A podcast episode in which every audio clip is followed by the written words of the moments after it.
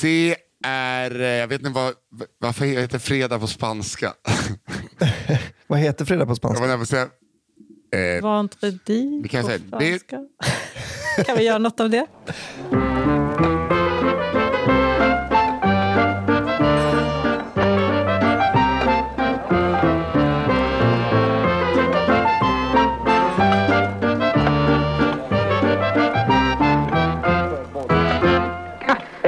Det är dagen före sabbato. Eh, i Sverige. Välkomna ska ni vara till Semesterpodden Kafferepet. Jag sitter här på i Fuerteventura på ett träningsläger där man kan dricka öl. Eh, och ni, eh, Albin Sårman Olsson och Johanna Hurtig sitter hemma i eh, söderort i Stockholm. Där Ja. man också kan dricka öl, ska sägas. Det är möjligt. Det kan man göra. Det kan man göra. Man kan inte göra det med folk från Eskilstuna. När man slipper, framförallt. Ja, ja det, så är det absolut. Det gör ni faktiskt. Hur mår ni? Uh, nej men det är himla bra. Det, det, det, solen skiner och to, allt är toppen. Eller? Ja. Här är det, det är sånt kanonväder här Nisse, jag är ledsen att säga det. Eh, Men alltså, jag, det gör mig så jävla... För jag tänkte så här, jag åker bort för att fly, eh, fly känsloliv. Och så vet jag, har jag bara sett att det är så här regna hos er hela jävla tiden. Så jag bara, fy fan vad skönt. att håller sig, håller sig folk man håller sig borta ifrån hemma. ja. Nej, nej, nej. Så har ni ett jävla Hitlerväder där nere. Alltså helt Uppe. sjukt. Jag och Johanna firade ju Gökotta i torsdag, alltså samma dag som du åkte. Du, var, du kanske hann märka vilket väder det skulle bli den torsdagen. Ja, ja visst. Helt alltså sommar, liksom Det högsommarvärme. var årets bästa dag bara. Ja, det var alltså det. på alla sätt. Vi började liksom dagen klockan sju med att dricka snaps och äta sill. Och det låter som att man inte är sugen på det klockan sju. Men det var fan Ja. helt bisarrt bra. Det enda som saknades Nisse, det var du. Ja, nej, men eh, då satt jag på ett plan utan tv. Man fick bara beställa två enheter i sex timmar. Oj, oj, oj, oj. oj. Ja, Due to men covid fick man beställa två öl på en sex timmars flygresa. Lite, känna alltså- vilken jävla... man kan tycka synd om dig, men också vem åker till Fuerteventura i maj? Alltså år, Sveriges bästa månad. Alltid ju. Men du vet exakt varför jag åker bort från Jo, sånt. jo. Så hade- Jo, jo, men Om- tänk jag- också på att missar varit- våren. Vi möter sommaren här i Sverige, Nisse. Jo, jo, men jag tränar crossfit varje dag och dricker bärs. Det låter ju också Och gött. skriver lite, lite va? Ja, skriver jag också. Nej, jag ville bara, jag ville bara också att du liksom inte glömmer bort att du, du gör ju någonting viktigt alltså. Ja, jag vet. Men det viktiga är att framförallt att inte vara i Stockholm. Ja, Mm. ja. Eh, Det är det viktigaste. Härligt. Välkomna till kafferepet ska ni vara allihop som lyssnar. Mm. Vad heter det? Vill du köra din perfekta beskrivning av vad den här podden är för någonting? Nej, för, för att jag har försökt förklara det för folk som är på det här jävla hotellet i en vecka snart och jag lyckas inte. Nej, men det är nog också, du, du får inte ta det på dig själv Nisse. Tänk på att du är med folk från Eskilstuna. Ja, det är inte lätt. Det är inte ditt fel. Nej, men eh, alltså Kafferepet är ett podd där ni lyssnare skickar in historier och berättelseskrönor, beskrivningar eh, av händelser och personer från er hembygd eller en grannbygd eller en semesterort som Plaitas Sport Resort i Fuerteventura. Just det. Eh, och, och så eh, kommer de roliga eh, sägnerna till vår redaktör Malva som väljer ut nio godbitar. Så får vi, de skickade tre stycken var varje vecka.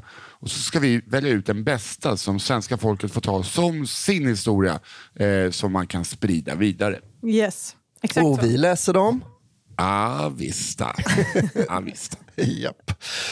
Eh, jag tycker att vi drar igång. Ja, det gör. Ja, men om man har en sån historia så kan man ju skicka den till kafferepet at underproduktion.se. Just det, såklart. Kafferepet at underproduktion.se. Ja, Yes, så enkelt. Mm. himla. Ja, men jag tycker också verkligen vi drar igång. Vem ska börja? Jag tycker du ska börja Johanna. Ska jag börja? Ja, det kan du väl göra. Det kan jag göra. Jag öppnade dokumentet och såg min första rubrik och blev exalterad direkt. Jag, jag tror Malva nu vet vem som ska få vilka, för man blir så glad av vissa ord. Så. Buzzwordsen man ska ge till de olika. Okej, den heter Uppsalas Sherlock Holmes. Älskar båda. Okej, Under min studietid så jobbade jag extra under somrarna på en klädbutik i köpcentrum i Uppsala. Och jag tänkte nu dela med mig av två av mina favorithistorier därifrån. Oh, två! Två i en. Okej. Gött. För övrigt, vilken jävla dröm att få jobba i butik. Det fick jag aldrig. Är det det verkligen? Ja, för de hade ganska bra Är det verkligen en dröm? Nah. Ja, jag visste att du skulle gå in på så här, det är 100% OB. Nej, det vet jag inte om de Ja. har, men jag, jag minns det som att eh, är de, handelsavtal. de extrajobben jag hade var aldrig i nivå med snygga tjejerna i butikerna. Det kan jag säga. Okej, men nu kör vi. Under min första sommar som nyanställd 18-åring kom en äldre man in i butiken och ville ha min hjälp att välja ut en kavaj till sin mamma. Okej. Ur det lilla urvalet vi hade, då denna butikskedja inte direkt är känd för sina skräddarsydda finkläder, så stannade vi upp vid en svart blazer för 349 kronor. Oj, oj, oj. Mannen stod och velade en stund och verkade väldigt osäker på vilken storlek som skulle passa hans mamma. Konversationen gick som följande. Han. Jag är inte säker på om den kommer passa. Går det att lämna tillbaka om lapparna sitter på? Jag. Självklart. Vi har öppet köp i 30 dagar så din mamma får jättegärna komma in och byta kavajen. Han. Ja, ja, jo eller det kan hon tyvärr inte. Hon är nämligen död. What? Ah, ja. Okej. Denna Nej, nej, nej, man tänkte alltså gå och prova ut en kavaj och begrava sin mamma i och sen lämna tillbaka den till butiken om den inte passade. Vad fan. Det var så jättesnålt också. ja, men alltså Man kan verkligen säga att de testar gränserna för öppet köp. Mm. 100 procent. Man blir lite nervös för att köpa grejer nu om det så här går till. Okej. Ehm, jag sålde i vart fall kavajen. Oh, där är Uppsala. I vart fall. Jag sålde i vart fall eh, kavajen men tänker fortfarande på den stackars arma kvinnan som behövde bli begravd i våra trötta budgetkläder eller alternativt den nya köparen av kavajen som ovetandes går runt i en hemsökt blazer. Ja, Riktigt, så precis så en Stephen King-bok börjar ju. Gud ja. 100 procent. Man går in på Vera Moda för att köpa en kavaj. En hemsökt blazer, 1300 sidor lång. Exakt. 300, 300 av de sidorna det är när han beskriver hur ett äpple ser ut. Det är väldigt... Um, historia nummer två lyder så här. Som många köpcentrum där det finns butiker med kvinnokläder så hade även vår butik ett problem med ett antal olika provrumsrunkare. Va? Va? Är det en grej? Gud! Jag gör alltid det på herravdelningen. men det här behövde inte jag veta. Nej. Och, Provrumsrunkare. men det är klart att det är det. Vad förlåt Nisse, vad sa du? Nej, jag bara sa ordet provrumsrunkare. Det låg så Ja. bra i munnen. Ja, du, faktiskt. Det låter som ett bandnamn, skojar. Men hur, alltså, hur är jag så dum i huvudet så jag inte fattar att det här är en självklarhet att det finns? Ja, alltså det finns Jag väl, jag- kan man väl sätta vilket substantiv som Ja. helst framför runkare så finns det. Naturligtvis. Åh, Kafferepet runkare. ja, gud ja. Var det, var det hela historien? Nej, det kommer mer. Tyvärr. You wish. Bara kafferepet runk, kafferepsrunkare, det tror jag bara är tjejer som runkar till Nisses röst. Ja, förmodligen. Faktiskt. Ja, Okej. döva tjejer. Okej. Oftast så brukar problemet bli uppenbart när man ska städa ur provrummet och där ligger en bh täckt i vit substans. Men Nej! kan man fan med unna sig att köpa bh då i alla fall? Ja men det är verkligen. dyrt som fan med bh va? Nej, det behöver inte, särskilt inte på det här stället.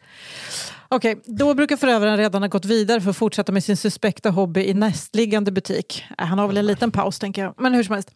Som alla köpcentrum så hade vi vakter och även civila vakter. Dessa civila vakter var som oftast riktigt underliga personer och absolut de som man egentligen skulle ha velat ringa vakten på. ja, vad jobbar du som? Provrumsrunkare? Eller jag menar vakt. Jag menar vakt. Vid tillfället jag tänkte berätta om så hade vi en speciellt underlig vakt som smög runt i butiken likt en klumpig ninja för att försöka fånga tjuvar i akten. Vilket i stort sett alltid misslyckades då både kunder och personal gärna höll sig så långt borta från denna underliga man som möjligt. Händelsen började så här. En upprörd kund kommer fram till kassan och berättar att en man beter sig underligt runt provrummen och går och kikar in i hytterna medan folk byter om. Kan tilläggas att då butiken både säljer dam och herrkläder så är inte en mans närvaro runt provrummen något konstigt. Men detta beteende skulle ju självklart kollas upp av oss i personalen. Min kollega kommer fram först och ser mannen stå inne i ett av båsen med gardinen halvt fördragen, fullt i färd med sin runk och avslutas sen på mattan under full ögonkontakt med min ställda och likbleka Oj. kollega. Nej. Gud vad obehagligt! Ah, Oh, Okej.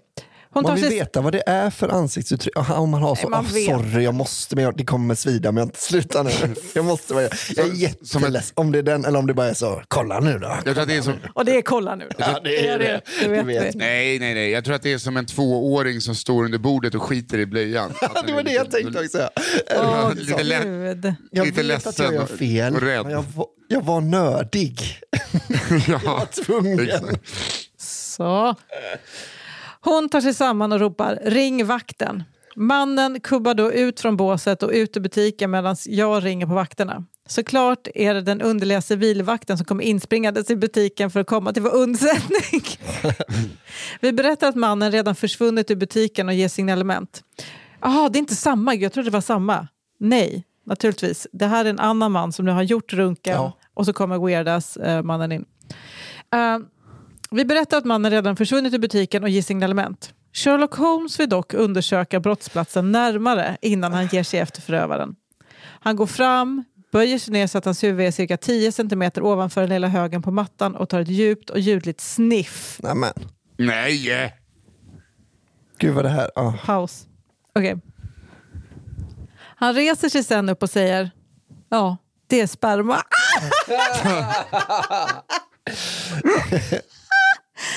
oh. Efter detta bevis var klargivet så begav han sig ut ur butiken och om han fick tag på provrumsrunkan vet jag inte.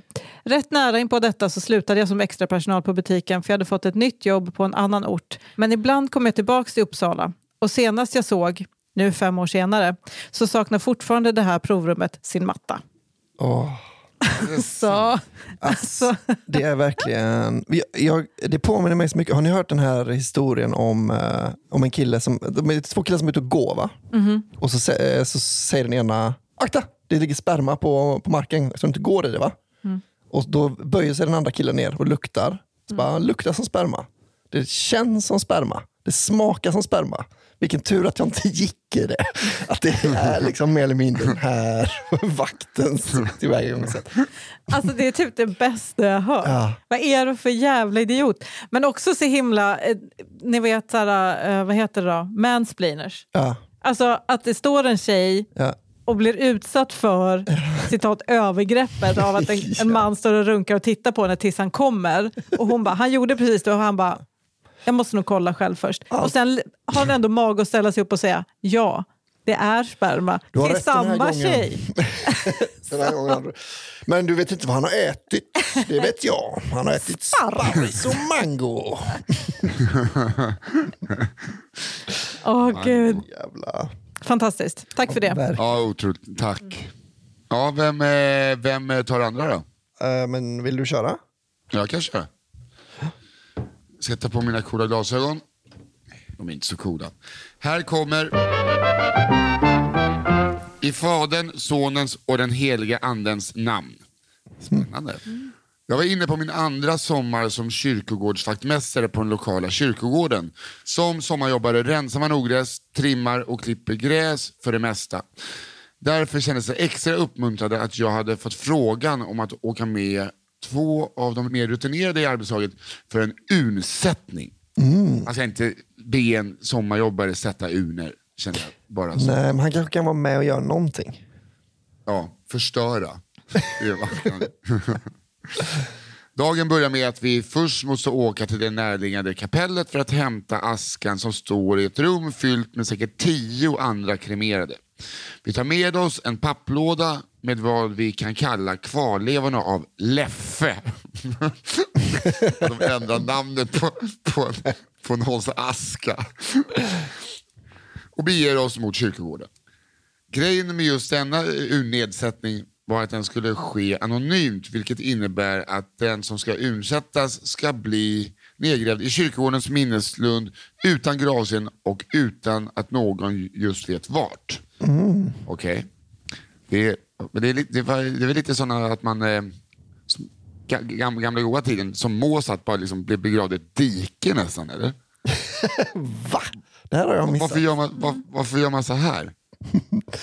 Varför vill Leffe inte att någon ska kunna sörja honom? Men är det inte att han har, han har gjort något skit i livet? Alltså tänk så här, det här är motsvarigheten till att så här, inte bli begravd. Jo, men det är ju inte 1600-tal. Det här är ju nyligen.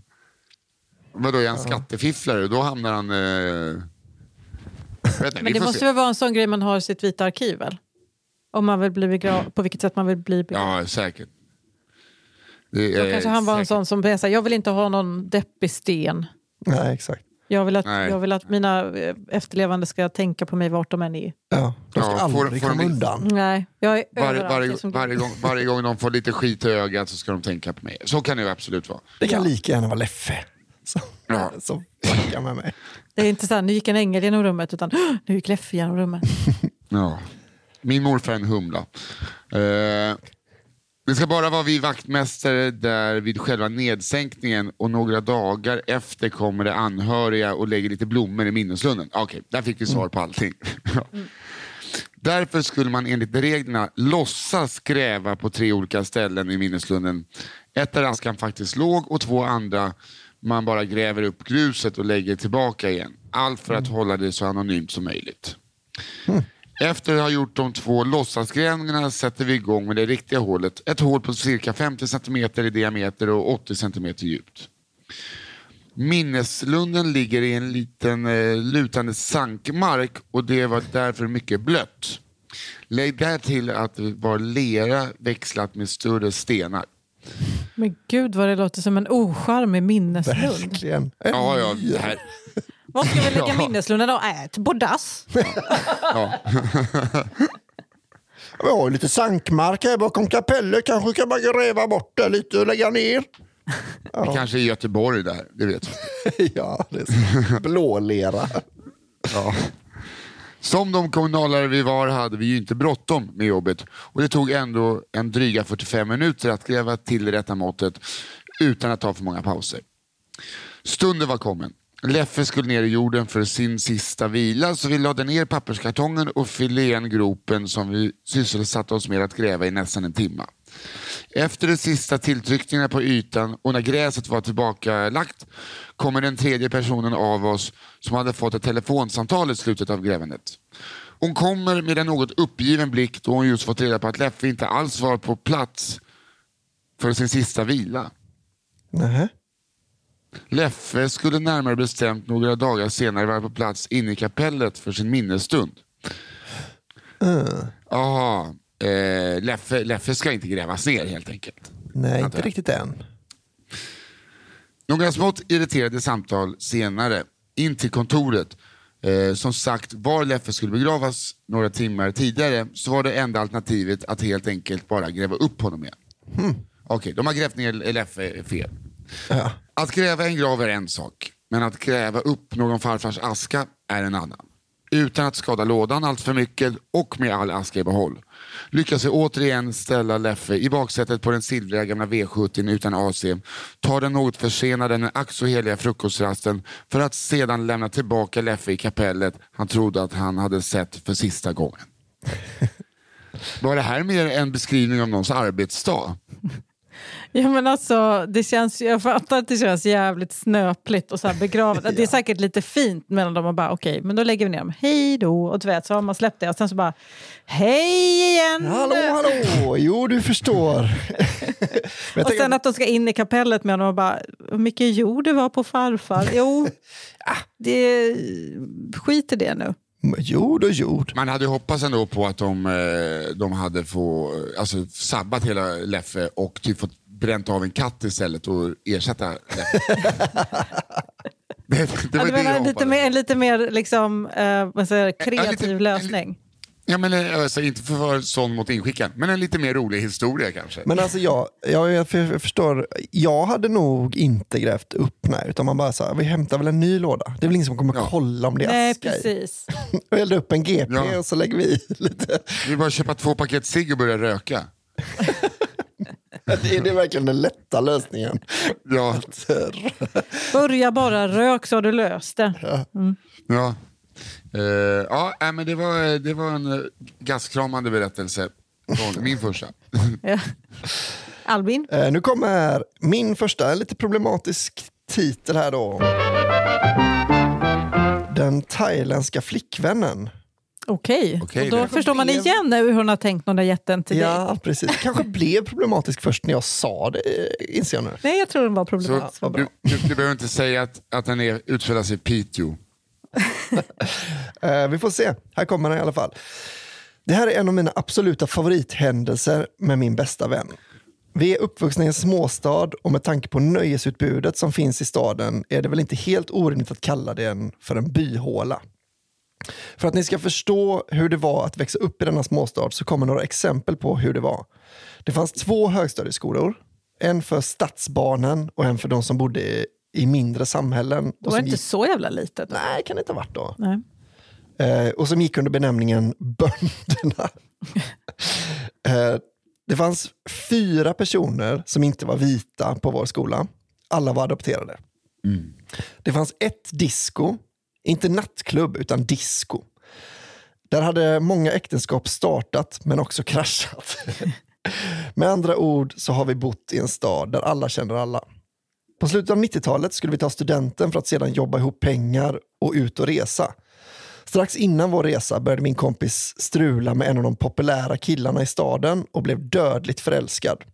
Han lovade henne guld och gröna skogar och självklart skulle de vara tillsammans efter att båda kommit hem från sina kommande resor till Asien.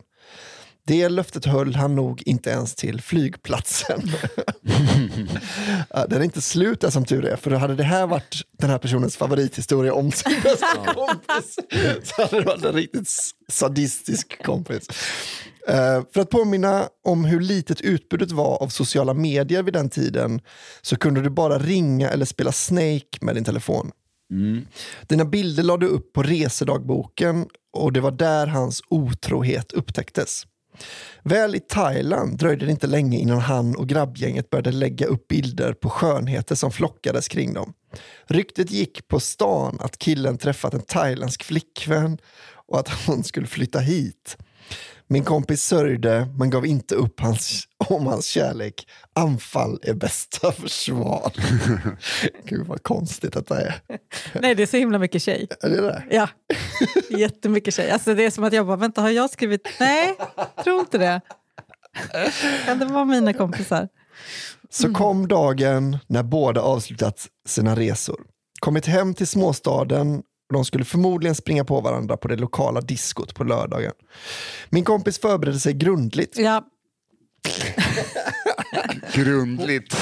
Det här är roligt. Johanna vet precis vad som kommer hända. känner igen allt det här. Ja, Bara genom att vara tjej. ja, ja. Det är lite som jag fast med den här eh, provrums... ja men, Jag visste precis. Okej, det är dit vi är på väg. Han kommer lukta på sperman och säga att det är sperma. Gör Han kommer titta henne i ögonen och det kan vara en blandning av att han vill det men också att han skäms. Ja. Hear my words, så här kommer det gå till. Eh, Min kompis förberedde sig grundligt. Hon skulle göra entré med sin strålande skönhet skulle hon konkurrera ut flickvännen. Hon var redo att slå honom med häpnad och göra en otrolig comeback. Ja. Och det gjorde hon med råge. Eftersom vi befinner oss i en småstad så dricker man inte drinkar på förfesten, man dricker grogg. Många groggar blev det. Eh, med ett starkt självförtroende tog vi oss till diskot och efter en stund ser vi honom. Min vän stegar fram till honom, slänger sig om hans hals, bugar djupt mot flickvännen, sätter handflatorna mot varandra, säger några vänliga fraser på thailändska som hon övat in. Oh. Mao makma.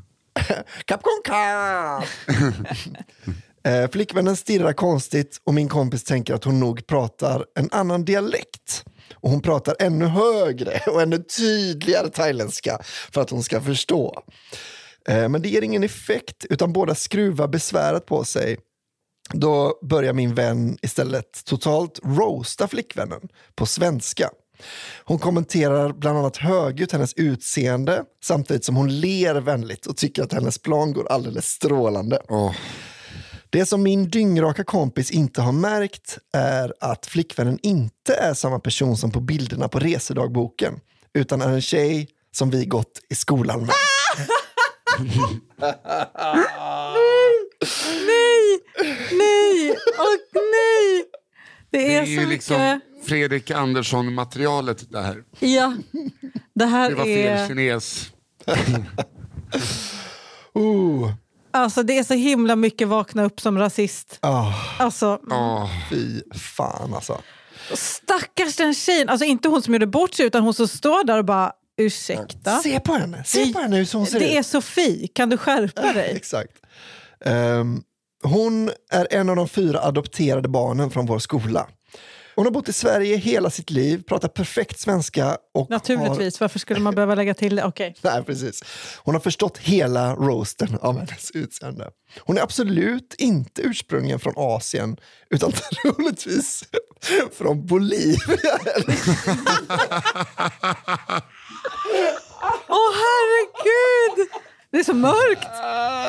Är det är en av de absolut sämsta rasisterna Gud ja! hört om. Savarikap! Men det är som att hon har blivit full och bara, hon vet, hon vet, hon vet redan. Det kommer, hon vet hur det här ska play out. Hon vet att det kommer stå en snygg tjej från Thailand där och hon måste bara liksom...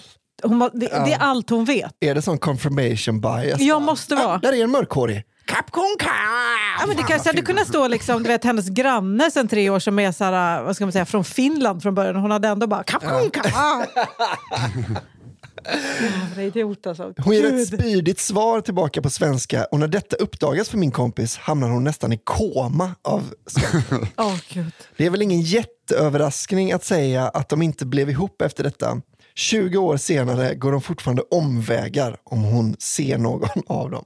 Alltså, alltså att, hon ens, att hon ens pallar att bo kvar. Ja, faktiskt. Det, det, kanske, det, det kanske det här jag ska göra för att gå vidare från eh, mitt forna kärleksliv. Att jag bara super mig riktigt full, tar för givet att mitt ex är ihop med någon och börjar skrika på thailändska. Så måste Ja. jag ta omvägar sen. Ja, Verkligen. alltså bara gå fram ett till sånt- vilken spanjack du vill nu när du är på Fuerteventura. Skäll ut honom, berätta för honom att han har ful näsa och sånt. Men alltså den här historien beskriver allt som är värdelöst med tonårstjejer. Är, är det så? Ja. Det är så himla bra att du är med. För jag, jag, hade, jag hade bara tänkt så Nej, du här. hade inte kunnat säga det. Jag hade tänkt så här, ja, men det här är liksom lite av en kill, en grabbtjej. Aha. För att de gör bort sig bara. Ja. Men om det är så här ni är, så Ja, nej, men det får jag stå för. it's on här you girls. Det, det är också att hon har ju förberett sig. Det här har ju varit i hennes huvud. Alltså hon har Ja. bara tänkt på det här. Hon har bara tänkt på det här. Bara de senaste veckorna. Hela hennes semester. He, alltså sen hon såg bilden så har det här bara varit det som snurrar i hennes huvud. Ja, hennes Asienresa måste ju varit lite förstörd också. Gud ja. Att Nej, hon nej, har bara nej, gått runt och tänkt på den här Men jävla... det har inte hon ens tagit in än. Förstår du? Alltså, det är liksom inget finns förutom att vinna. Hon Vinna! står också framför spegeln och eh, liksom sminkar sig och gör sig fin. Har en liten freestyle med ett sånt thailändsk, lär det thailändska band på. Så att hon bara så upprepar. Asavadikap. Asavadikap. Just det, när hon, Hon har- tränar på trevliga fraser. Ja. Nej, hon har, det är Ja, allt hon har gjort. Det är Ja, lite som hon, Och att hon har en så kon- det är också så typiskt att man har en sån konstig... Alltså även om den här planen played out exakt som hon ville så är det en jättekonstig plan. Ja. Ja, Den hade verkligen inte gått hem om det nu var hans thailändska flickvän. Nej, inget av det där hade funkat. Men hon har liksom sett en helt annan Men verklighet. alltså det är verkligen en superhistoria. Och tänk att få vara kompisen som bara ser detta ske. Mm. Alltså att inte vara, man är inte inblandad förutom att man har den här bara med sig resten av livet sen. Och så får man stå bakom och bara, hej, hej, hej. Tja, Hej. hej Sofia, Hur är läget? Jag vet, jag vet inte, hon har druckit väldigt mycket. Förlåt. Hon trodde att du var en thai. Åh. Ja, fy fan. Ja, Eh, men eh, ja, otroligt ja, uppskattat. tack otroligt. för Tack för den. tack för historien. Är det nu jag som ska lägga in en snus och börja Ja, kör ja. riva av? Jajamän.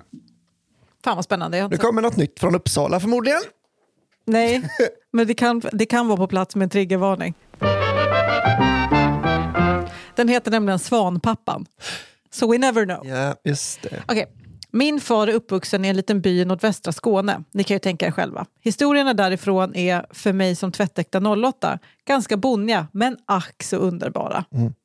Jo, men för en, folk från Stockholm tycker det är bonnigt med en historia från typ Västerås. Alltså. Ja, precis. Ja. Ja, det tycker vi. Eh, eh, när min pappa var tonåring bodde han granne med en man vi kan kalla Klasse. I Klasses hushåll fanns även pappa Basse och mamma Britta. Basse var en riktig skattletare. En riktig skattletare. Ja, professionell. Nej, jag skojar. Han samlade på allt han kunde hitta längs den kilometerlånga strandlinjen. Snäckor, plåtburkar, fjädrar, you name it. En dag hittade han ett stort, vitt, fint ägg. Detta ska jag ta hem, tänkte han nöjt. Nej men nej. Ja. Ja, ja. Ja, inte så bra skattletare om det är första gången han hittar ett ägg på en strand Det va? känns som när Pippi hittar en plåtburk.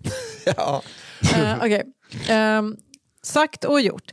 Basse kom hem med ett stort, blött och sandigt ägg. Givetvis ville han lägga det på tork innan du skulle få komma in i huset. Basse la ägget på värmepannan i källaren och tänkte inte någonting mer på det. Några dagar senare gick Basse för att hämta upp ägget. Han upptäckte sprickor i ägget som blev större och större. Nu händer det, äntligen, tänkte han. Men till hans stora förvåning var det inte en kyckling som tittade fram. Varför skulle han bli förvånad när han hittade den på stranden om det var en kyckling? Ja. Ja. Och hur jävla stort, stort, eh, stora ägg äter han till frukost? Nej men verkligen. Var det inte kyckling som tittade fram utan en svanunge. Det var kärlek vid första ögonkastet. Sen den dagen var Basse fast. Svanen började konkurrera med frugan. Den är stora frustration. Den följde honom vart han än gick, lite som en vakthund. Den till och med sov i sängen med honom. Britta var inte nöjd. Gud alltså. Åh gud. Men de är graciösa, ju. inte när de är små i och för sig, de är de fula ankungar. Jag vet, men de har, ju- han, är, han är så inpräglad på Basse, den här svanen. Ja. Så Den bara eh, hänger ju efter och sen så när Britta kommer är hon ett hot och då bara... eh, svanen vägrade att släppa Basse. Den fortsatte följa efter honom vart han än gick och Britta blev bara argare och argare. Så till slut fick Basse ta tag i saken och avliva svanen. Va? Det här med att vara, sv- vara svanpappa var nog inte Basses grej, men han kanske var bra på annat. Det kan man i alla fall få hoppas. Alltså, men varför var han tvungen att avliva Vilket svanen? monster hon verkar vara, um, tanten är. Ja, tanten Ja. kan. Ja, men, ja. Han får väl stå upp för sin svan. Ja, Eller försöka vara så här, han okej nu får vi lära oss att acceptera Britta, läs en bok på hur man gör det med djur. Ja. Präglar de på grejer men- kan inte Ja. ja. Men det känns, också, det känns som att han, eh, han övervägde ju där ett tag, så här, vad ska, vem av dem ska jag avliva? Nej, precis. Man kan ju inte ta hem ett svanägg och bara, vi får se lite. Ja. Ja, hon kärringen kanske älskar svanar, vet inte jag. Vet du. det kanske går jättebra detta. Britta, jag har en present till dig. Det är en svan, den ska sova med mig nu. Du har alltid sagt att du vill ha en svan, har du inte det Britta? Ja, just det, var Skåne va? Ja, Du har ju alltid sagt att du vill ha en svan, Britta. det, västra Skåne, så det är så här Ängelholm eller? Ah, hur pratar de där då? Nej, jag vet inte. Pratar Grötigare säkert, kanske? eh, Ja, säkert. Som svin. Era jävla svanahuvuden.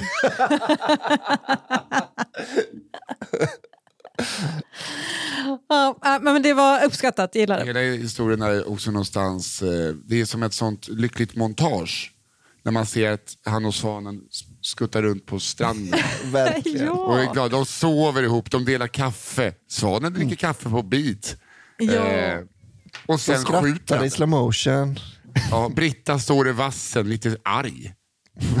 Så, Och de har det fantastiskt och sen slutscenen, han stryper svanen. ja. Ja. Undrar hur länge svanen fick vara med.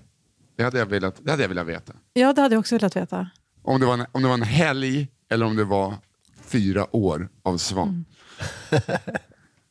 eh, ja, den där, jag, jag blev glad. Jag blev också glad att han dödade den. Eh, det var en krydda. Hur mår du? Ja, jag, eh, är det jag va? Ja. Hoas glidflygare.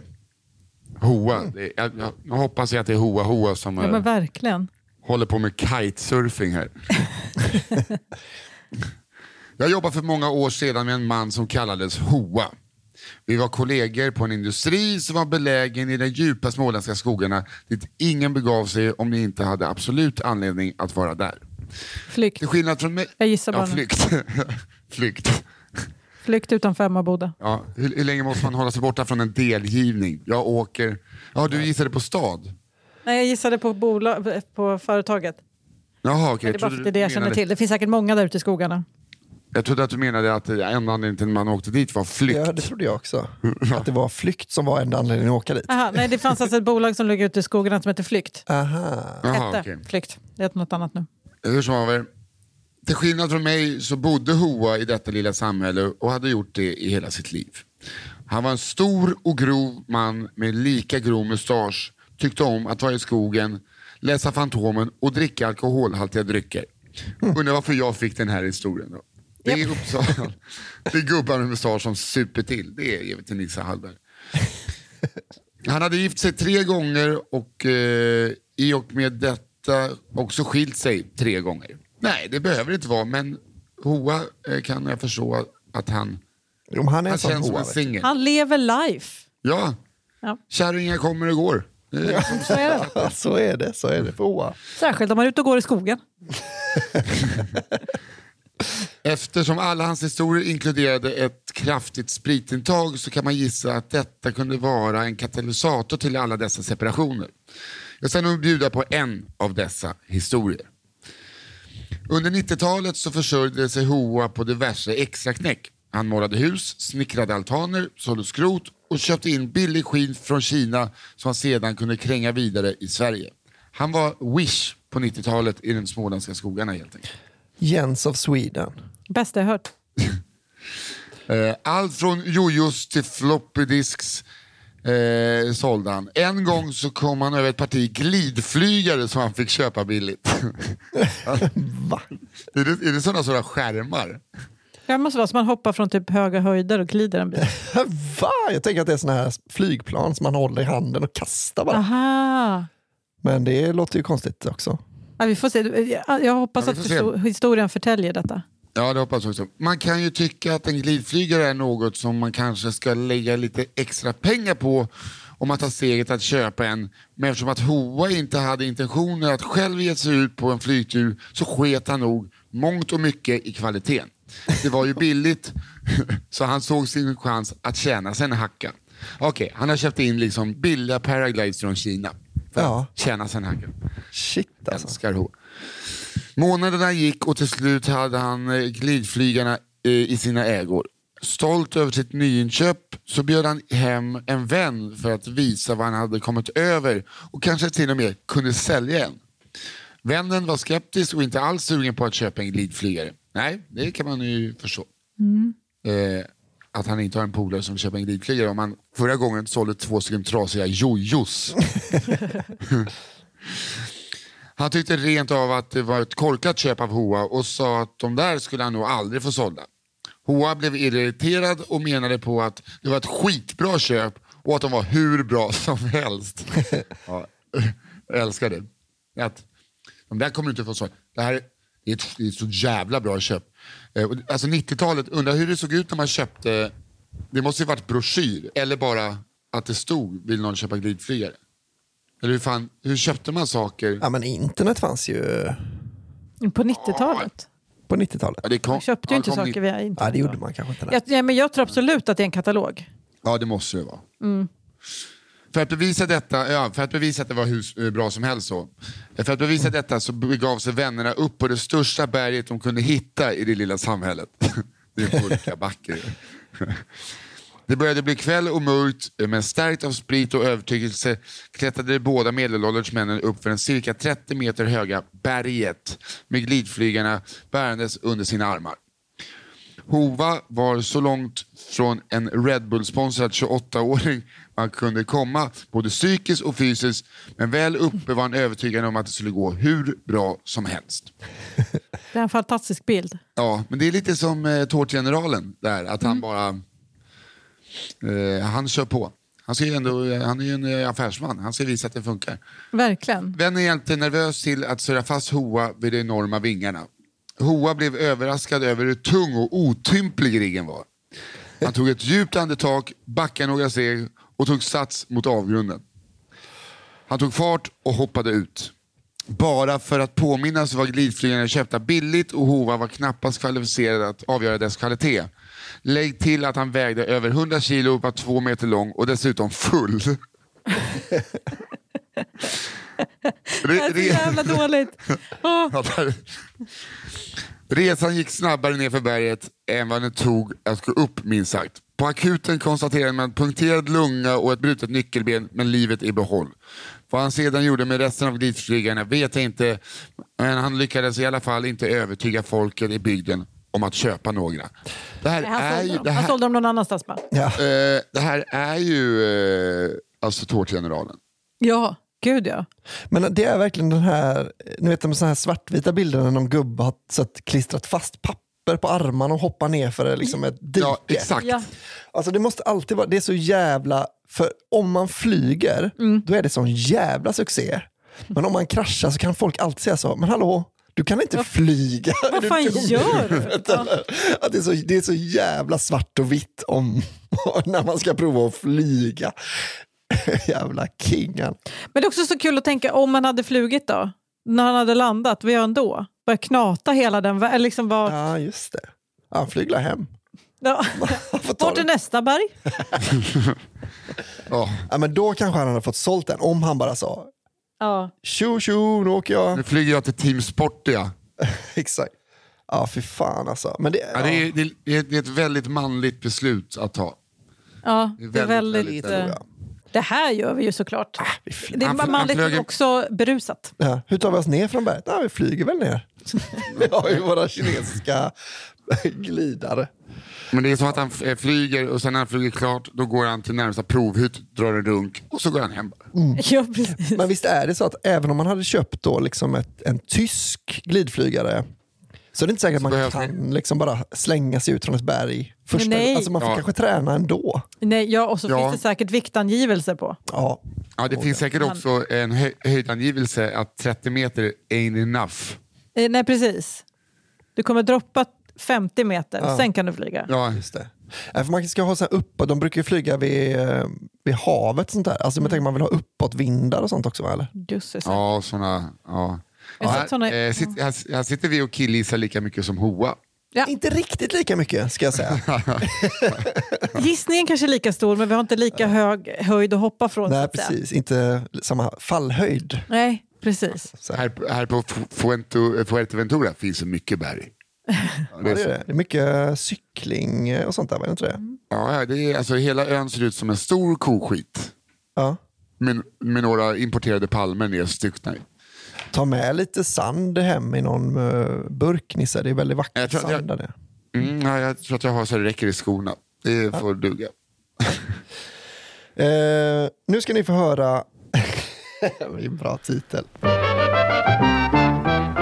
Hämnden är brun. Man fattar liksom lite. Då är vi igång. Ja, du, behöver, du, behöver inte, du behöver inte läsa. Eh, den här historien tar oss tillbaka till mitten av 90-talet då jag gick på högstadiet i ett litet samhälle i Dalsland. Fan vad jag älskar detta redan. I en parallellklass till mig gick tvillingbröderna som vi kan kalla Kenny och Lenny. De var ett praktexempel på kombination av dalsländsk inavel och y-namn. Tänk er Klimpen gånger tio och dessutom var det två av dem. Vid tio års ålder gick ingen på vår skola säker för, deras jävelskap, inklusive de äldre barnen i femman och sexan. Det blev inte bättre av att de var två storlekar större än alla jämnåriga klasskamrater, så vi vanliga klenisar var en enkel match för dessa elaka bjässar. Det, där, det var information man inte behövde, för den var underförstådd redan. Eller? Man hörde på namnen lite på dem. ja, redan. man bara visste det. ja, ja, Naturligtvis är de skitstora. ja, såklart. Ja. Alltså, jag älskar att de lägger till det, jag vill bara säga att det, var, det, det visste vi. ja, men det är väl lite, om de hade varit små så hade de väl varit schysstare förmodligen.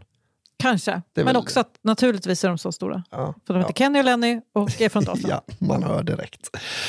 Brödernas farsa drev en tvivelaktig handel med skrotbilar och var vida känd på bygden under öknamnet Svinbengt. Okej. Oh, fan vad det är såna, jag är ju också från en liksom, eh, liknande ställe. Det, är såna, det finns ju alltid några sådana, det brukar ju alltid vara tvillingar med y-namn då. Man bara så, fan kan inte de flytta? Jag hoppas verkligen att de flyttar härifrån snart. Men de gör ju aldrig det. De flyttar inte för att det skulle bli för jobbigt att packa ihop alla vitvaror i trädgården. Exakt. Jag har en massa soffor här som har möglat så mycket att om jag tar i dem så kommer de bara trasa sönder. Eh, ryktet sa att hans ungdoms första flickvän var granngårdens stora sugga. Eh, men det har jag inga Ah. belägg för. Svinbänkt drog dock in ganska bra med pengar på en ljusskygg sidoverksamhet med regelbundna spritresor till Tyskland.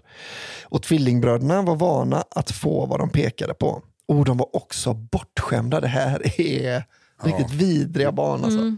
Men det, det är det som präglar hela deras eh, persona, känns det som. Att de är bortskämda tvillingar. Tills Ja, men jag tänkte han kan. Svinbengt, fram tills han, att, han, att jag fick reda på att de fick allt de pekar på, så tänker man bara så han åker till Tyskland, säljer sprit och sen slår han dem på käften. Att då hade de också varit sådana jobbiga. Jag tror, jag tror att han är Ja, men då föredrar man ju bortskämda. Ja, lite ändå va? Ja, det skulle Men om säga. de också slår barn? Men jag tycker barn ska vara bortskämda. Jo, Det kanske. fint. Det, tycker du faktiskt. Ja. Ja, det tycker jag.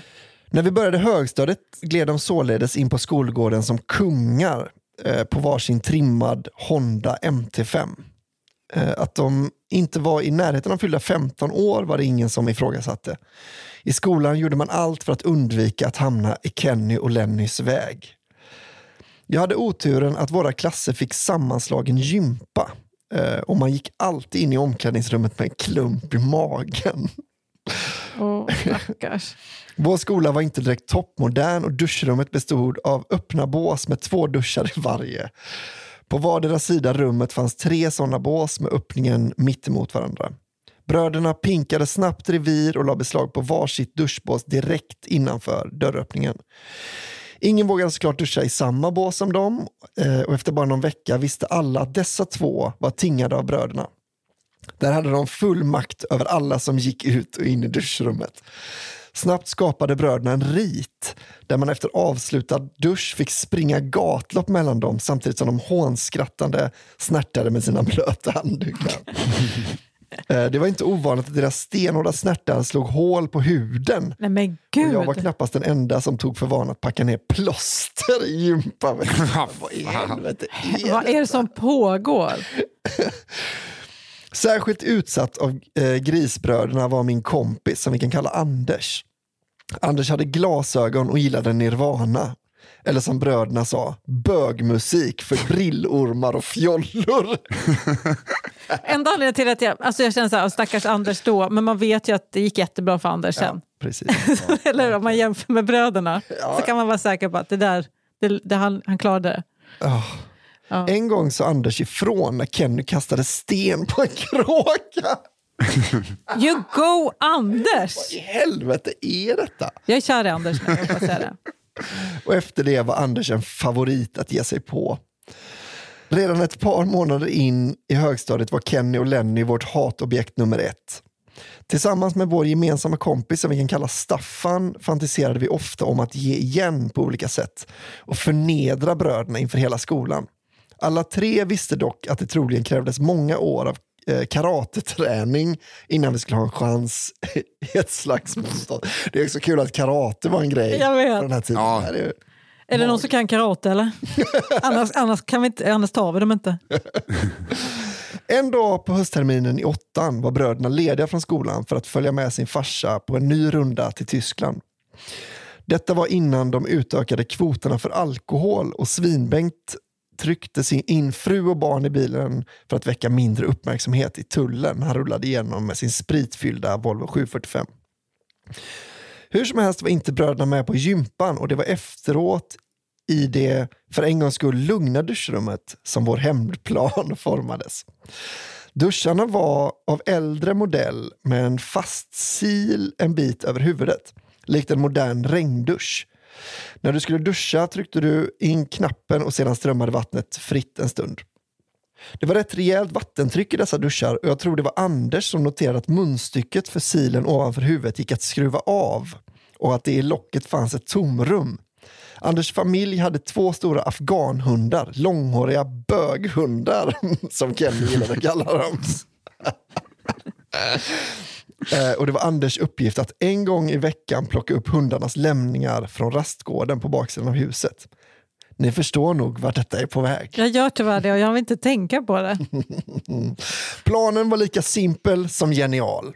Anders skulle samla in skiten och innan nästa gympalektion var slut skulle vi fylla silarna i brödernas privata duschbås med bajset. Dagen D var magen i uppror av ett virvar av eufori och skräck. Anders visade på morgonen att han hade två välfyllda hundbajspåsar i sin väska. Jag drog fyra extra påsar runt varje för att det inte ska lukta igenom, sa han nöjt. Planen var följande. När det var drygt 15 minuter kvar av lektionen skulle jag dra till mig uppmärksamheten så att Anders och Staffan kunde smyga in i omklädningsrummet och fylla silarna med den bruna smörjan. Sagt och gjort låtsades jag med full kraft ramla in i vagnen med basketbollar så att de flög ut över hela gympasalen. Kenny och Lenny var snabba att uppmana alla att kasta bollarna på den klantige fan, mig då. Varje smäll var värd att ta, för jag visste att snart var det min tur att skratta åt dem. När lektionen var slut slängde bröderna som vanligt av sig kläderna och tjoade att sisten in i duschen var bög. Det är, de har ett. Ja, de har en och det är bög. Ja, ja. Eh, vi höll andan och kort därefter hördes ett avgrundsvrål från duschrummet samtidigt som en vidrig stank spreds i rummet. Det blev tumult och efter ett kort utbyte av blickar oss hämnare emellan rafsade vi snabbt ihop våra kläder och sprang ut i korridoren. Väl utanför synhåll brast vi ut i gapskratt och dunkade varandras ryggar. Anders såg extra finurlig ut och sa med ett stort leende Jag har tagit skit från dem i flera år, så nu var det hög tid att de fick smaka min skit. Det visade sig att Anders mamma hade gjort storkok med chili con carne dagen innan och Anders hade tagit i sig fem portioner för att sedan fylla båda hundbajspåsarna för egen maskin.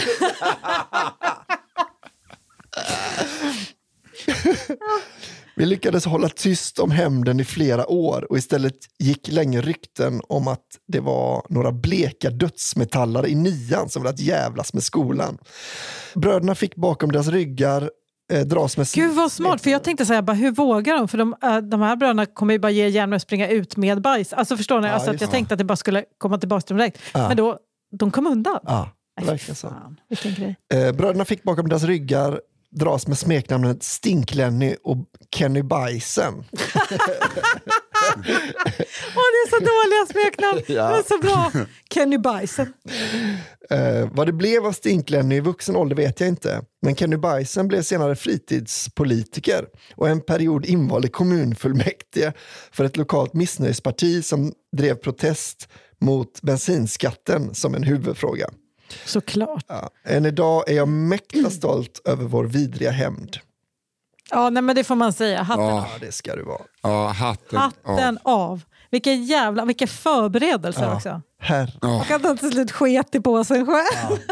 du kan toppa det här på ett sätt. ja, för fan alltså.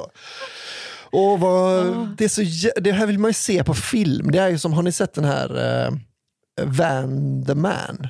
Nej. När de, de fyller så här eh, vaniljbullar med hundsperma och ger till eh, de, de elaka i skolan. Så att de liksom Mm. sl, så, så här mumsar i sig hundsperma. Det är så jävla rättfärdigat. Det är, rätt, det är så jävla rätt åt dem. Jag, vet, inte, jag tänker bara på den här The, The Help. Vilken är det? The Help det handlar om Södern. Eh, om typ eh, hem, alltså, hemhjälpen där, som Mm. alltid var svarta kvinnor. Och att, Ja. ja, jag kan inte dra hela storyn, men då en ger igen på sin eh, liksom arbetsgivare genom att ge henne hennes favoritchokladpaj. Och sen när hon har ätit upp den så bara, eat my shit. Ah, Jag vet. Men, fan vad. Ja. snyggt jobbat. Vi, måste, vi måste prata om något annat. Ja, ja. det gör vi. Det gör vi. Ah, vet du vad? Vi ska ta en kort kisspaus. Ja. Då är det dags för min sista va? Oh. Den heter Sheriffen. Yes. När jag växte upp i en mellanstor stad i Västsverige ville jag bli polis. Vilket inte var konstigt då min mormor var polis. Mormor? Ja, snyggt! Det låter coolt ändå. Ja. Eh, Men främst var det tack vare hennes kollega, som vi kan kalla för sheriffen. På 90-talet var polisyrket lite mer avslappnat än vad det är idag. Mormor och sheriffen kom ofta hem till oss på vardagskvällarna när de inte hade någonting att göra och morsan bjöd på kaffe. Mormor ringde ofta någon minut innan de rullade upp framför vårt lägenhetshus och sa “Sätt ången i fönstret” så att jag kunde få se blåljusen i mörkret. Mm. Vilken jävla king. Ja, för fan vad mysigt. Dessa hembesök tog dock slut. Antingen var det på grund av att rykten började gå att farsan slog morsan Just det, det är så bra att det alltid kommer poliser hem. Ja. och att det var anledningen till att polisen var hos oss var och varannan kväll. Eller så var det på grund av att jag lyckades få igång överfallslarmet på sheriffen och mormor skrek om att de måste ringa och säga att det var falskt alarm. Sheriffen svarade med Äh, lugna dig, jag måste kolla text-tv. Frölunda spelar ju ikväll. Som sagt eh, så var sheriffen en avslappnad polis som älskade sport och det leder oss in på historien om bankrånet som skedde en bit utanför stan på 90-talet. Sheriffen och mormor hade precis gått på sitt lördagspass och körde runt på gatorna. Plötsligt får de ett larm på radion som löd Bankrån, skott avlossade, bankdirektören skjuten. Oj. Jävlar. De fick även instruktioner om att de skulle vara första bil på plats eftersom stans andra polisbil var ute på annat ärende och uppbackningen från Göteborg var på väg, men en timme bort. Sheriffen som körde polisbilen just detta pass slog på saftblandaren och körde en jävla fart på väg till banken. Nu var det skarpt läge och de förberedde sig mentalt på vad de skulle komma fram till. Efter att ha kört cirka 200 meter saktar sheriffen in och parkerar bilen. Mormor utbrister. Vad i helvete gör du? Sheriffen tar lugnt och sansat av sig säkerhetsbältet och svarar. Fan, klockan är 15.55. Jag måste lämna in stryktipskupongen. Sagt och gjort går sheriffen in till den närliggande kiosken och lämnar in sin rad samtidigt som mormor sitter kvar i polisbilen i förundran. Hur gick det med bankrånet då? Sheriffen och mormor var första bil på plats och drog sina vapen men bankrånarna hade flytt. Och då var det av högsta prioritet att lokalisera den skottskadade bankdirektören. Det visade sig att han hade blivit skjuten i röven och klarade Ordvalet röven där säger så mycket. Eh, det visade sig att han hade blivit skjuten i röven och klarade sig med några fåtals dygn. Jag tror inte heller sheriffen fick alla rätt på stryktipset och jag har inte gått polishögskolan ännu. Åh, Alltså, det där gjorde mig glad. det var, en fin, det var, så, det var bara fint. Ja. För- Stackars bankdirektören. Men, Ja, men, också, jättekul. Fan, jag måste få in min rad. Men tänk, för jag tänker så att sheriffen har en sån stående rad. Han, går, Ja. han, han har så bara, jag har Ja, ja. en eh, Det måste 64 han ha. kronors stående rad. Och man tänker inte lämna in den en vecka och, det, och den går in. Vet Mm. du. Det får inte hända, jag förstår honom. Ja, jag förstår honom också. Men eh, ni är inte poliser. Nej, Nej, det är vi det är verkligen inte. Det ska sägas. Åh, det där gjorde mig glad. För jag kan relatera, det är många gånger jag har två minuter i fyra behövt lägga in stryktipsrad och det är en sån stress. Alltså, Otrolig stress. det är också såna här historier som gör att jag känner att vi måste in med fler poliser på landsbygden. Alltså, Ja. Jag förstår att ehm, det finns andra sak, orsaker till det. Men här ligger mitt hjärta. Ja. Mm. Precis. Jag håller med dig. Jag har min sista historia. Den heter Men var är Göran? Spännande. Han är ett provbås och runkar. Ja. För anonymitetens skull ska jag inte säga vart den här storyn utspelar sig. Men vi kan säga att det är från en vanlig mellanstor stad i Sverige där ett ganska stort företag på tre bokstäver som slutar på BB huserar. Har ni några okej. eh, aningar här? Nej. Vad slutar så? BD? BB, Bertil Bertil. Bertil Bert? Ah, Tre, ABB. tre bokstäver. Kan det absolut. Det är det nog. Om det inte är BBB, man har aldrig hört talas om det. Historien utspelar sig på tidigt 00-tal då jag och två polare bestämt oss för att avnjuta kvällen med en god torrent. För enkelhetens skull kan vi kalla polarna för Ted och Tony. Det eh, jag vet vad det här båda har gått, eh, att det är så mycket hemligheter. Ja, det, känns ja, som att det, här är, det känns som att det är snask. ja. Ted och Tony var egentligen två helt vanliga killar, men det fanns alltid en attityd om att försöka vinna lite extra över samhällets strukturer och normala normer. Yes. Lite så knulla systemet-killar. Kan inte- Knulla Västerås-killar. Ja, exakt. Till exempel var det Ted som frågade på Statoil hur mycket ketchup man fick ta på sin precis nyköpta korv. Du kan väl ta, s- du kan väl ta så mycket du vill, svarade personalen. Varpå Ted kvickt langade upp två tummar ketchupflaskor inifrån jackan som han hade tagit med sig hemifrån och började pumpa. Ja. Ja. Det är en sån, grej. eh, det är samhällsjudo om ni kommer ihåg eh, Frej Ja, ja, Larsson, visst. Simon Gärdenfors program. Ja, verkligen. Det är fri tolkning. Tony däremot var han som enkelt kunde försena en stadsbuss med 10 minuter genom en hetsk diskussion med busschauffören om att han visst fick ta med sig glass ombord eftersom skylten uttryckligen säger att glassar och hundar inte är tillåtna. Jag har ju bara med mig en glass, ingen hund, var Tonys orubbliga åsikt. Lägga tio minuter på det. Det är för bra. Åh. Och dåligt. Ja, Det är för bra och dåligt. Till protokollet vill jag bara nämna att jag själv var en reko och välkammad kill. Hur som helst, torrentkväll hemma hos Ted och det var den ännu inte lanserade eh, skräckisen The Ring som stod på menyn. Ted bodde vid det här laget i en ganska liten etta. Rummet var inrett precis som man kan tänka sig. En säng, en liten tv, eftersom att den inte fick plats någon stor tjock-tv. En tvåmanssoffa och till slut terrariet med den ganska stora boaormen Göran. Göran hade fått sitt namn från en inte så länge bortgången Göran Kropp. De båda var väldigt förtjusta i. Ja, det var Göran Kropp, gamla äventyraren som cyklade till Nepal och sen ramlade ner från en träningsvägg hemma i Göteborg. Det var ingen träningsvägg. Han ramlade ner från eh, 21 meters... Eh, alltså, det var, det var Man ska inte få ha orm. Förl- jag- Nu sa jag det bara. Nej, Det är allt jag kan tänka på är här. nej, nej, man ska inte få ha orm alls. Nej. Sagt och gjort, vi drar på filmen. Vi tränger oss ner i tvåmanssoffan och börjar titta.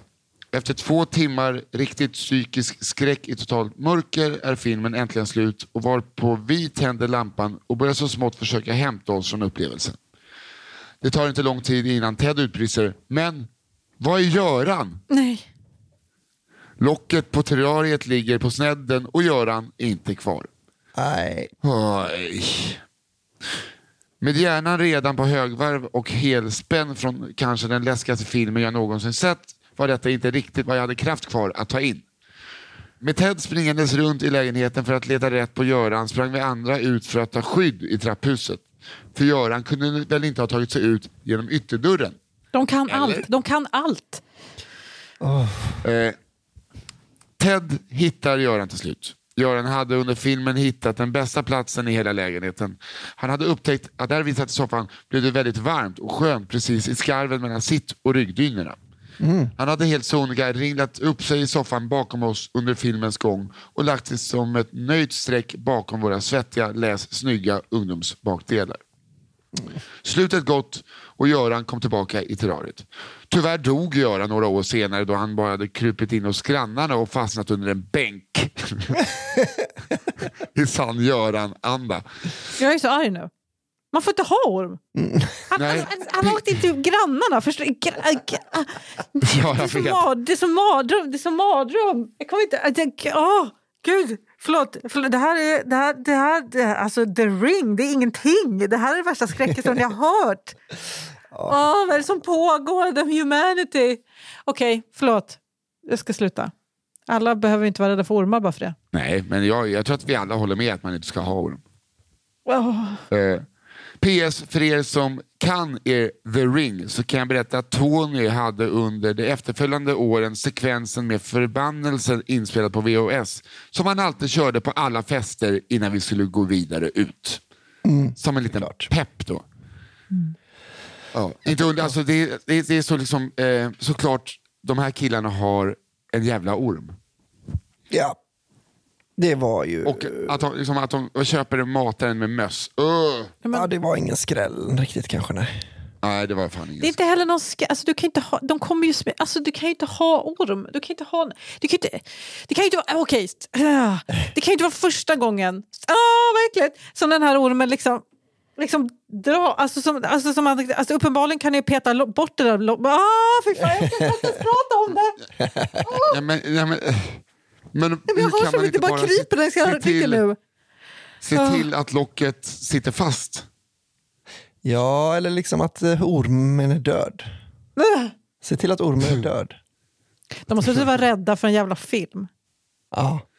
Ja. ja, de visste inte vad som var eh, nära. Och jag orkar inte höra något, men de är inte så farliga. Det är inte det som är grejen. Nej. Det är inte det, som är de grejen. friska människorna som reagerar som Johanna. Det är de sjuka människorna Ja. som har dem i en glasburk precis där de bor.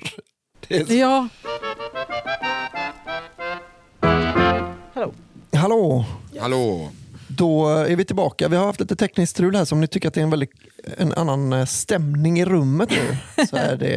Ja, är alltså det. jag, paniken när man har köpt en ny dator som bara, när vi har fem minuter kvar av inspelningen, väljer att starta om sig själv. Ja.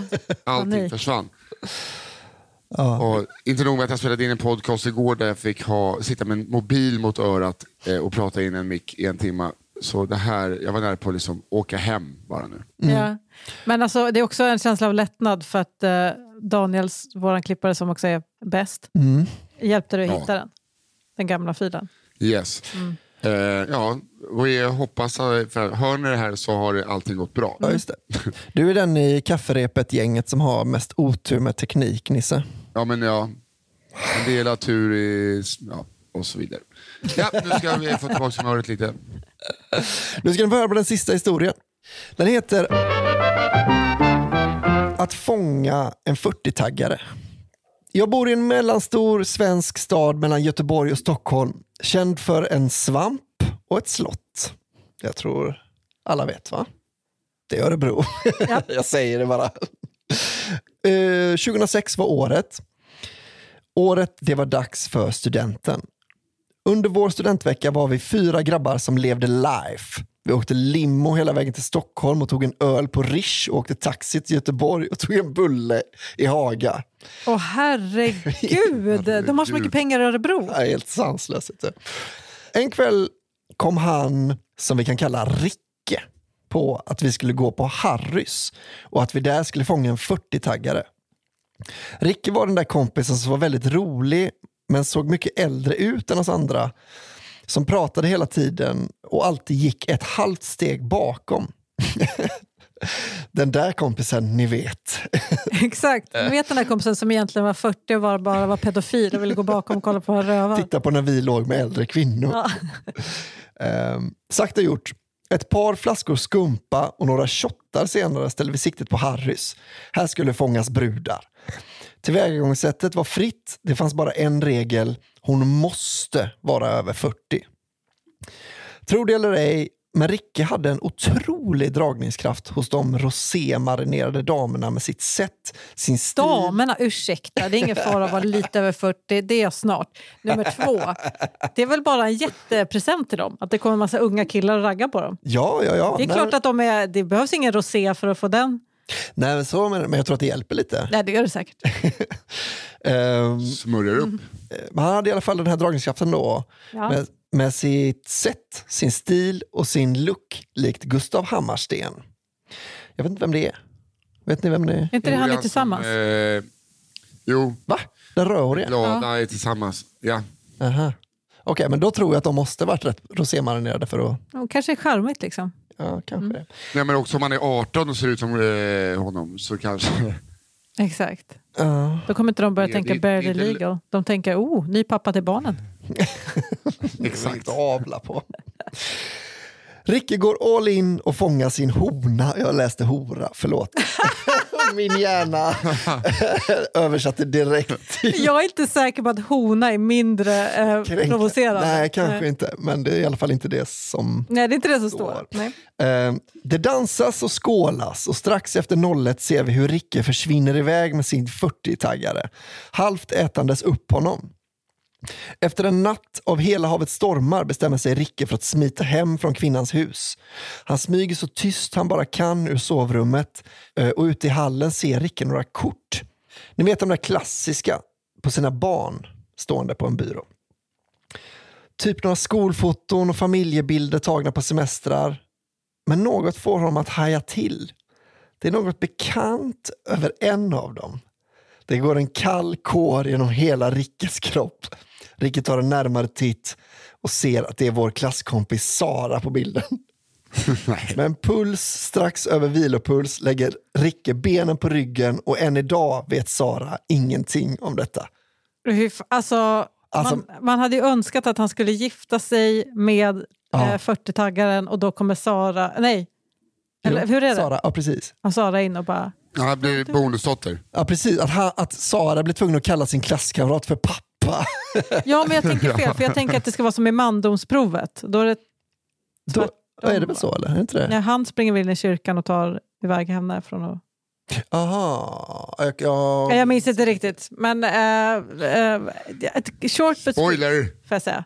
Men alltså jag tycker, jag har väldigt svårt att se hur inte Ricke är nöjd med detta. Han måste ha hunnit en bit över 40 också, får man säga. Om man hade, om man hade Just liksom eh, det. en klasskompis i deras... Ja, Ja, precis. För hon behöver vara 18 då när hon skulle ta studenten. 19 va? 19 kanske till och med. Ja, men du vet, folk kan bli föräldrar när de är 18. Så. Ja, det är möjligt. och Det är sant. Så vi vet fortfarande Men inte om Rikke däremot- verkligen klarade testet. Hon kan vara 39 också. Ja.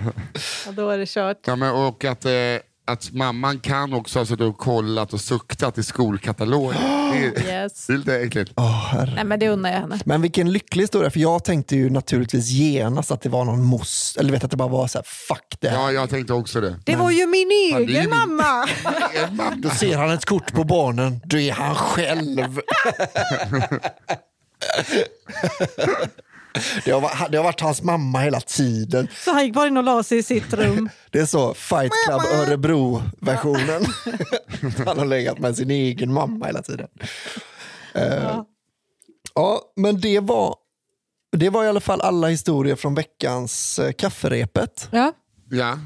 Ska vi ta och gå igenom dem? Ja, vi gör väl det. Då har vi Uppsalas Sherlock Holmes. Det var han som luktade på sperman. Just ja, det. just det. Eh, Svanpappan. Ja. Det var han som dödade sin svan. Och så har vi Sheriffen. Också jävligt bra alltså. Ja. Ja. Nisse? Eh, I Faderns, Sonens och den heliga Andens namn. Det alltså var en arbetsbeskrivning på en kyrkogård. Ja. Eh, En gång blev det lite fel när vi skulle jobba. Hoas glidflygare. Den storväxta mannen som köpte glidflygare från Kina.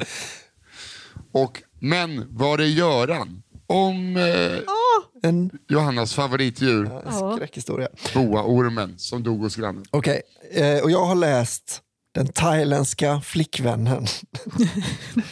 eh, då, Fånga en 40-taggare var ju sist där och sen läste jag, innan det läste jag också Hämnden är brun. Jävlar starka. Dag, alltså veckans bajshistoria. Ja, precis ja. Ja. Alltså jag, eh, jag eh, älskade ju den thailändska flickvännen. För jag, för jag tänker att vem man än är i den historien så är det liksom något gött med det. Utom möjligtvis tjejen som misstogs för den thailändska. Och hon vann ju. Lite vann hon ju Ja, också. det gjorde hon ju. Men, eh, men, ja, nej, men jag måste nog också säga att den var också mest nej, nej, nej. Gör det inte! Aj, aj, aj, aj. Åh. Vilken tycker du Nisse?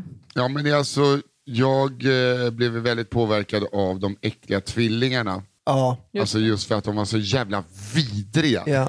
och kallade allt för bögbeteende. Så jag tycker att det är svårt. eh, Jag gillar ju också den korta vet du, med stryktipset. ja. Det är, fan, det är svårt. Eh, Sperma, Men, eh, var också rolig. Ja, luktar på mjölken. Jävla äckligt. Det är Jag vet inte, sperma. jag tänker, så här, så jag tänker så här, jag tycker ni två får säga era eh, den här veckan och sen, eh, sen lägger jag min röst i efterhand. Okej, ja, men då får jag nog ändå säga thailändska tjejen. Jag tror jag tar nog den också faktiskt. Då tar jag också den. Ja. Okej, härligt. Då Ja. får vi sprida den eh, runt om i landet eh, och ge eh, tjejer lite dåligt rykte. Ja, den kan alla ha fått ha varit med om.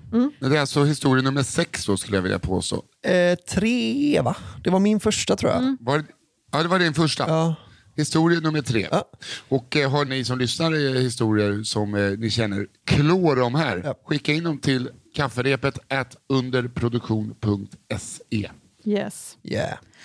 Det, det uppmanar er alla att göra. Och bli prenumeranter på underproduktion.se eh, cigarrummet. Just det. För det kommer ut en gång i Yes. månaden med en ny känd gäst som berättar allt sånt här från sitt liv. Och har du hittills inte lyssnat på eh, avsnittet med K. Svensson så kan jag verkligen rekommendera dig att göra det. Mm, Var med liksom när det tar fart, redan innan det blir riktigt stort. exakt. Exakt. Ja, fan vad kul det var.